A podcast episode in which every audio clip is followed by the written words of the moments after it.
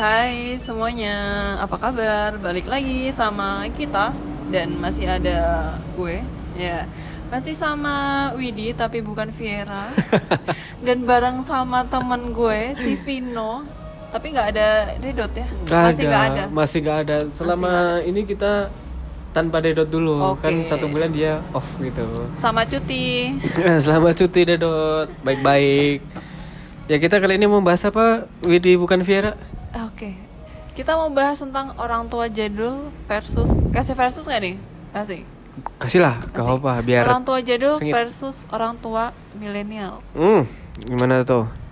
Kita arti bahas- arti orang tua dulu deh Oh. buat menurut lo, menurut lo. orang tua bagi gue itu sebenarnya teman Temen. bukan orang tua yang bener-bener nggak cuma lo hormatin nggak cuma lo sayangi tapi harus saling mengerti kayak temenan aja gitu Hmm, gitu. kalau di keluarga gue jujur kayak gitu Oh, oh, oh, oh. jadi orang tua gue nganggap anak-anaknya nggak cuma anak nggak cuma sebagai seorang individu yang berbeda maksudnya ada batasnya Eh, kita orang tua kalian anak mungkin karena anaknya udah gede-gede jadi Hmm. ya udah Eh, terserah. kan kamu teman teman bapak teman mama sekarang kayak gitu Oh. kalau di orang kalau di keluarga gue kayak gitu Kalau di gua mah sedih. kenapa Jangan nangis jangan nangis Orang orang tua gua nganggap gua tuh sebagai titipan Tuhan doang. Oh. Udah habis itu sudah memasuki apa tuh namanya? Akil balik. Ya, eh? Ah, yaudah terserah lo buat dosa ya lo yang nanggung, lo buat pahala ya lo yang nanggung. Jadi eh, git- jadi orang tua gua menanamkan pelajaran bahwa apa yang lo lakuin ya itu yang lo rasain sendiri. Lo mau seneng juga lo yang rasain, lo susah juga lo yang rasain gitu. Jadi orang tua gue tuh selepas gua umur 17 apa ya? Ya udah lepas udah lu mau ngapa terserah. Jangan kalau mau ada masalah jangan bawa-bawa kita gitu. oh berarti Jadi- langsung dicoret dari kakak Iya, ibaratnya kayak gitu, tapi masih ada. hmm, masih ada itu kayaknya ini deh udah ngeblur itu namanya nama lu Iya, udah ngeblur Udah ngeblur, udah, udah terserah gitu, Pak. aduh tapi kalau di keluarga gue tuh sebenarnya nggak nggak yang mungkin orang ngerasa oh kompak banget dia ngerasanya kayak gitu enggak sih bahkan orang ya orang tua gue dari dulu menanamkan bahwa apa yang kamu perbuat kamu harus tanggung jawab. Tapi jangan langsung mikir nanti akibatnya ini doang. Kamu harus mikir jangka panjangnya ini apa. Jadi makanya dari dulu tuh gue nggak pernah nyeleweng jadi gue sebenarnya anak baik-baik anak baik-baik. tapi kepo juga gue. Pengen deh nakal sekali kali nanti gue nakal aja sama suami gue ya. Itu mah bukan nakal, itu mah udah hasrat ya? alami. siap siap Jadi menurut lo tuh orang tua lo tuh udah termasuk yang jadul atau yang milenial? orang tua gue tetap jadul Jadul. Kenapa tuh? karena ya itu kan pemikirannya mereka ya maksudnya kayak tapi sebenarnya gue juga nggak dibatasin sih buat temenan sama siapa pun Iya. tapi kalau orang tua gue ngerasanya bahwa eh, sampai kapan pun anak itu masih tanggung jawab orang tua Iya.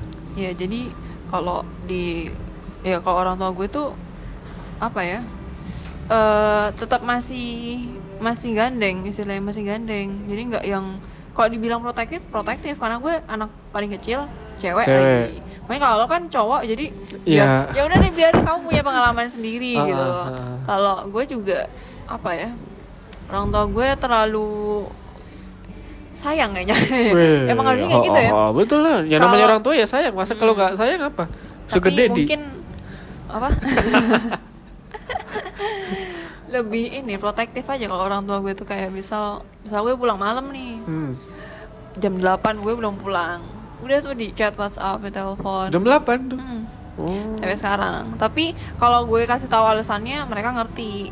Tapi mungkin ya orang tua zaman sekarang tuh lebih khawatir kali ya anaknya takutnya diculik. Ada apa-apa. kemudian iya ada apa-apa. Ya orang tua kan takut kalau kenapa-napa. Kenapa-napa aja gue sih nyimbangin aja. Jadi ya gue sebagai anak yang iya iya aja. Tapi kadang dia punya batasnya. Anak pasti punya batasnya. Jadi gue nggak yang terlalu baik-baik juga sih. Berlawan arah tuh pasti Pasti. kayak beda pendapat. Beda pendapat gitu kan ya. Itu kan itu kan dari orang tua lo tuh. Terus pendapat lo tentang orang tua jadul yang mau masuki zaman milenial tuh gimana sekarang? kalau misalkan kita ngajarin dikiranya nggak sopan. Nah itu dia. Kita harus break the barrier. Mm-mm. nggak Oh. selamanya orang tua tuh betaul Yes. gitu zamannya udah beda zamannya udah beda dikasih uang jajan sepuluh ribu minta dua puluh ribu nanti bilangnya ini cuma cukup buat beli cilok sama telur gulung iya jadi Iya. gimana nih pendapat tentang orang tua Mungkin- zaman jadul lo orang tua zaman dulu itu kalau Jawanya itu apa ya di alam eh di alam ya iya sih Jawanya aku Jawa KW sebenarnya apa sih kayak dialusin di apa ya kayak bener-bener dielus banget. Kayak ngomongnya tuh harus halus. Ah. jadi kalau misalkan kita mau bukan ngajarin sih tapi ngasih tahu ngasih tahu bahwa sekarang tuh kayak gini loh. Nah itu mungkin kita bela- ngasih taunya baik-baik. Kita ingat lah dari dulu kita diajarin jalan kan pasti pelan-pelan. Ya udah kita ngajarin orang tua yang jadul zaman milenial. Atau zaman milenial gak sih? Zaman modern sih Zaman lebihnya. modern sebetulnya. zaman modern lebih ke pelan-pelan itu tadi. Pelan-pelan tapi pasti kalau gue. Jadul ya. Berarti kan banyak pemikiran-pemikiran jadul tuh. Lu pernah kesel nggak sih tentang pemikiran jadul orang tua itu? Waktu beberapa hari yang lalu Gimana sempat tuh? kejadian. Jadi bukan ini lagi skripsian ya. Hmm. curhat dan orang tua gue nanya bapak gue sih yang nanya nanti kerja jadi apa? Psikologi. Jadi gue guys jadi gue jurusan kuliah itu ju- jurusan psikologi. Yang di mana orang tua tuh taunya cuman psikolog psikolog ya psikolog itu bisa kerjanya cuman di rumah sakit jiwa. Padahal enggak kita bisa ke mana aja ya maksudnya bebas luas gitu loh. Dan gue lebih milih konsentrasinya PIO yaitu psikologi industri. Dan memahamkan anti psikologi industri ke bokap gue dan nyokap tuh kayak jadi tuh gini loh psikologi industri tuh nanti kerjanya perspektif eh, eh, kerjanya tuh kayak ini bagian ini kita belajarnya tuh kayak gini. Jadi emang harus bener-bener ngasih taunya tuh pelan-pelan banget dan apa ya bertahap. Mungkin kayak ngasih taunya ya kan kalau di PIO tuh eh, psikologi industri itu belajarnya kayak gini beda sama yang klinis. Kalau yang di rumah yang biasanya di eh, rumah sakit jiwa gitu kan konsentrasinya udah klinis. Itu juga apa ya ngajarin lagi sama orang tua ngasih tahu sih lebih tepatnya. Kayak sebenarnya tuh nggak cuman ada satu arah di jurusanku ini tapi banyak arah. Jadi banyak jalan menuju masa depan yang Masa lebih cerah iya. Jadi orang tua pernah nyaranin jadi PNS nggak?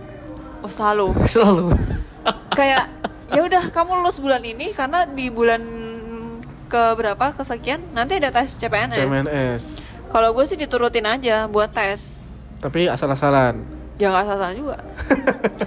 ya ikutin aja. Siapa tahu kan doa orang tua adalah Oh. rezeki.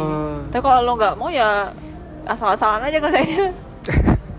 kakak gue juga, gue punya kakak dua dan semuanya ikut tes CPNS. CPNS.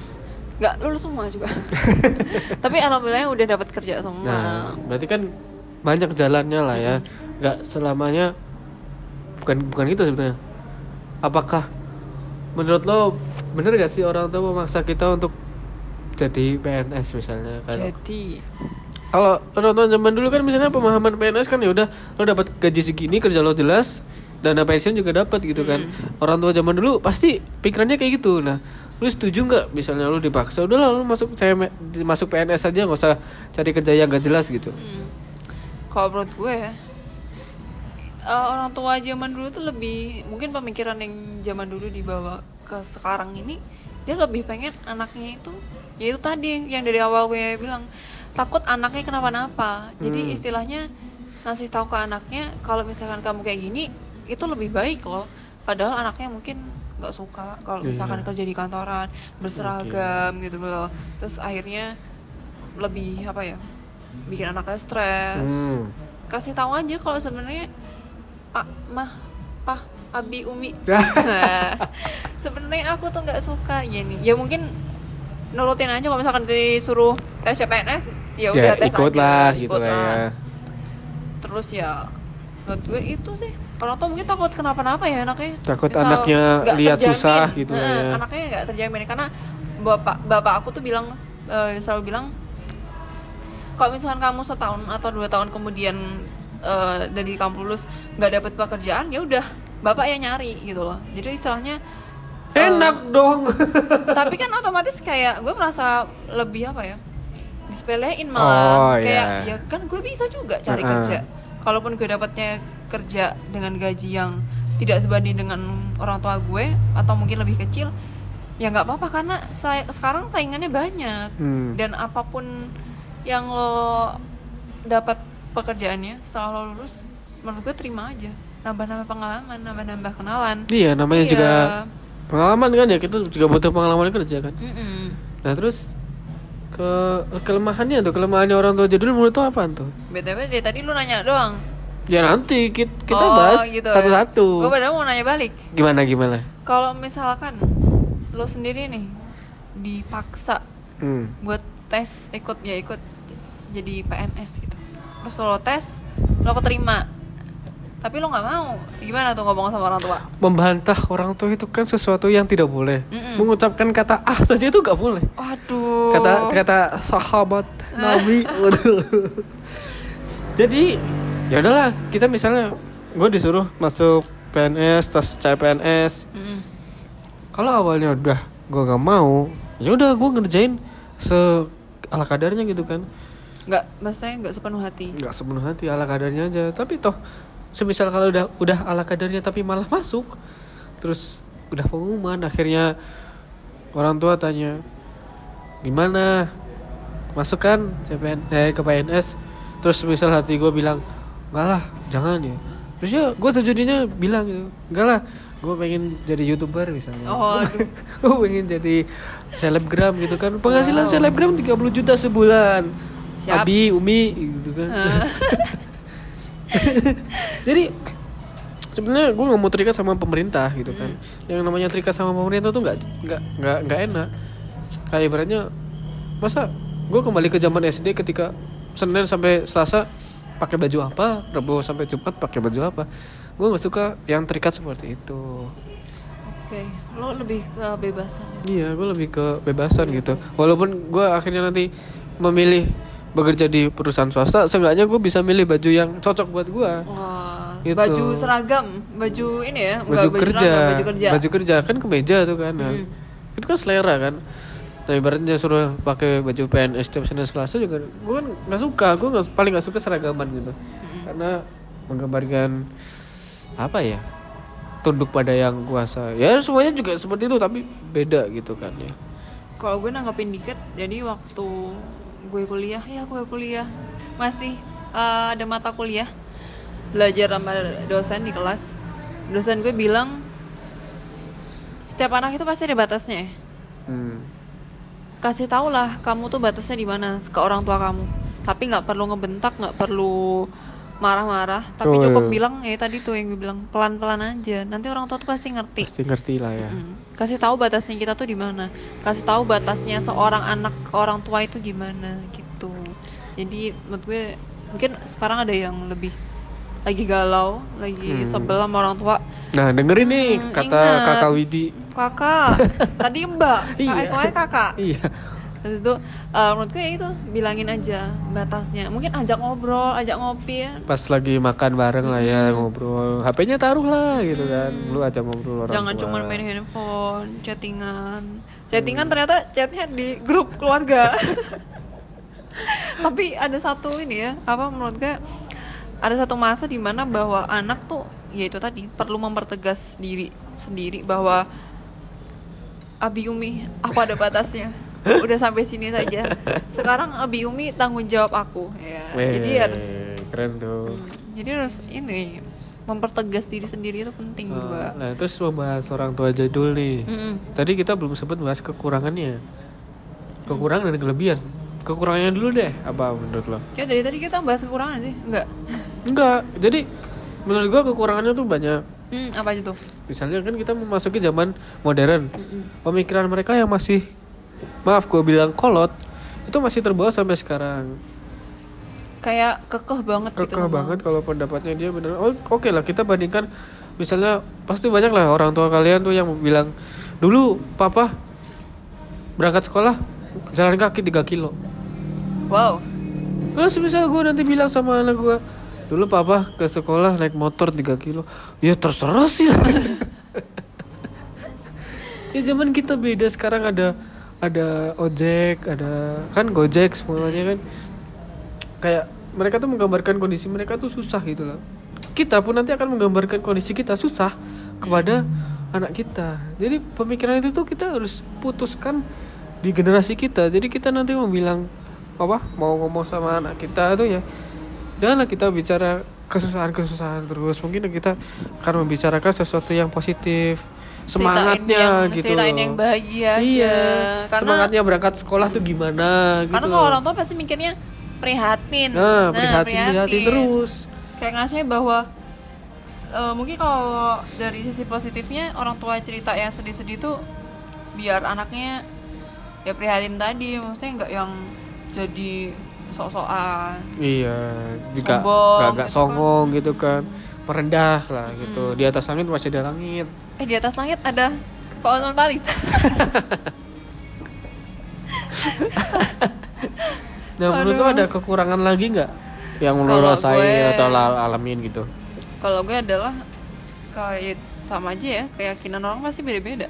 Keyakinan kalau gue sih lebih ini mereka tuh punya pendapat sendiri kita punya Ah. pendapat sendiri. Tapi kita nggak mau nge-mix sama pendapat mereka dan mereka nggak mau nge-mix sama pendapat kita. Jadi crash padahal gitu. heeh, padahal kalau misalkan di mix asal apa ya Iya dicampur pendapat kita sama mereka tuh sebenarnya bisa bagus tuh. Siapa tahu bisa menjadikan negara yang lebih baik.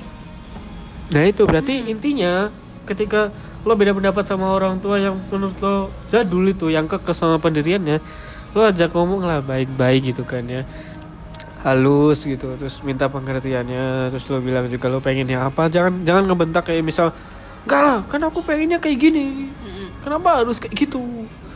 Kalau itu sih kalau misalkan ngebentak gitu ya em, kalau menurut gue tuh malah bikin orang tua nggak cuma sakit hati tapi ngerasa bahwa yang selama ini diajarkan orang tua nggak sampai ke anak. Nah itu itu yang ditakutkan. Orang tua pun juga bisa sakit hati bukan lo doang yang bisa sakit hati. Iya gitu men. Nah kelebihannya orang tua jadul apa men? Menurut lo nih? Mungkin lebih apa ya? Kalau pengalaman pasti pengalaman pasti. Hmm. perhatian kali ya? Perhatiannya beda nggak sih menurut lo? Ya perhatiannya beda. hmm. Kayak apa ya? Mereka tuh lebih nggak lebih ini juga sih. Sama eh ya sama perhatiannya. Perhatian. perhatiannya lebih apa ya kalau orang tua zaman dulu tuh belajar eh, ngasih didikan ke kita lebih hati-hati kalau sekarang kan kayak ya udah deh lepas, lepas, gitu aja ya, kayak kayak anak ayam. hmm. Udah gede udah sana Ya cari makan udah. sendiri gitu kan ya. Hmm. Nah, itu kelebihannya orang tua zaman dulu tuh dia ngasih perhatian lebih ke kita. Jadi kita merasa diperhatikan gitu kan ya. Hmm. Nah. Eh, terus menurut lo apa lagi kelebihannya Kelebihannya menurut gua tuh mereka punya pengalaman susah. Jadi kita ketika mau melakukan sesuatu tuh pasti keinget kata-kata orang tua gitu. Hmm. Dulu bapak kayak gini harus kerja lima hari baru dapat barang ini. Hmm. Nah sekarang kita juga mikir kalau mau belanja. Nah, berarti gue gue harusnya nggak boleh ngabisin ngabisin uang. Gue harus nabung dulu. Lebih Itu. ngajarin nih kesederhanaan. Kesederhanaan. bener-bener bener Jangan jangan jangan suka pamer gitu kan ya karena kita bukan orang kaya kita mungkin ada orang kaya ya tapi di atas lo tuh masih ada lagi gitu loh.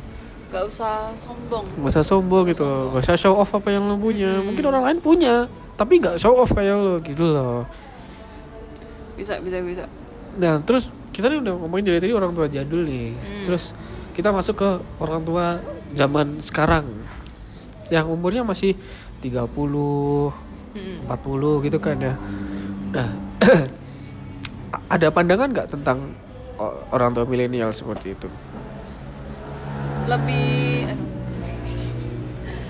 lebih apa ya kalau mereka lebih mau buat berbuat hal yang baru kalau menurut gue mereka lebih ngerasa bahwa nggak terlalu nggak terlalu perlu buat ne- apa sih ngikutin yang zaman dulu. Tapi zaman sekarang tuh ada ada sendiri ada jalannya sendiri gitu. Ada caranya sendiri gitu buat ngedidik anak misal. Terus buat jadi orang tua yang lebih baik tuh gimana? Menurut gue sih itu. Kelebihannya itulah ya mungkin. Hmm. mungkin mereka memahami apa yang sedang berkembang sekarang. Kalau yang orang tua zaman sekarang menurut gue lebih seneng apa ya lebih seneng kepo kepo sama anaknya mungkin? Enggak maksud gue apa ya kayak mereka tuh lebih senang belajar banyak. Oh ya ya ya mencoba hal baru tadi ya. Hmm, iya. Jadi ya itu kelebihan orang tua zaman sekarang tuh berarti yang kalau punya orang tua zaman sekarang umurnya berapa? Kalau orang tua gue kan termasuk yang jadul ya. Mungkin yang papa muda. SMP SD lah ya. Kok? Ya. SD anak kenal ya. SD deh kayak SD kayaknya lah. Kalau soalnya kalau kuliah udah 2000 iya. Iya kan? 2000-an kan iya Nah, anak 2000. bener. Jadi SMP SD keunggulannya orang tua zaman sekarang tuh mereka pertama tuh tadi punya keinginan untuk belajar gitu kan Hmm. ya. Terus juga mereka mungkin memahami teknologi. Jadi mereka mungkin akan memahami pendapat anaknya gitu. Karena mereka sama-sama hidup dan berkembang di era teknologi. Mm-mm. Gitu kalau menurut gue sih itu beneran ngerasa anak jadi temen iya itu bener-bener kayak bener temen temen sahabatan banget. gitu kan Mm. best friend forever family forever wah Nah, tapi di balik kelebihan itu semua malah menurut gua kelemahannya tuh banyak sekali. apa aja tuh menurut lo Sekarang sekarang kita masuk era teknologi. Mm-mm. Terus banyak kan berita-berita yang tidak benar. Nah, kebanyakan dari mereka kaum-kaum orang tua yang zaman sekarang tuh tidak bisa memfilter mana berita yang benar, mana berita yang salah. yang hoax ya Nah, Yang hoax itu. mana Apalagi sekarang banyak berkembang atau muncul grup-grup keluarga, WhatsApp grup keluarga. Nggak tahu berita mana yang benar, mana yang salah, langsung share. Gitu kan. Ya itu menurut gua kelemahannya itu di situ. Kalau menurut lu apa? Kalau yang tadi sih gue setuju. Jadi ngerasanya bahwa informasi pertama yang dia dapat, dia ngerasa bahwa oh ini ilmu yang bermanfaat. Iya. Walau eh, padahal dia harusnya cari tahu dulu dong. Info ini valid nggak? Benar atau enggak gitu lah ya. Hmm. Minimal ya benar atau enggak gitu Mm. kan. Terus habis itu nggak dikonfirmasi, nggak cari tahu dulu benar atau enggaknya, langsung nge-share. Jadi menimbulkan hoax. Makin terus, tersebar. eh, terus menurut gue adalah karena tadi gue kayak bilang kepo Mm-mm.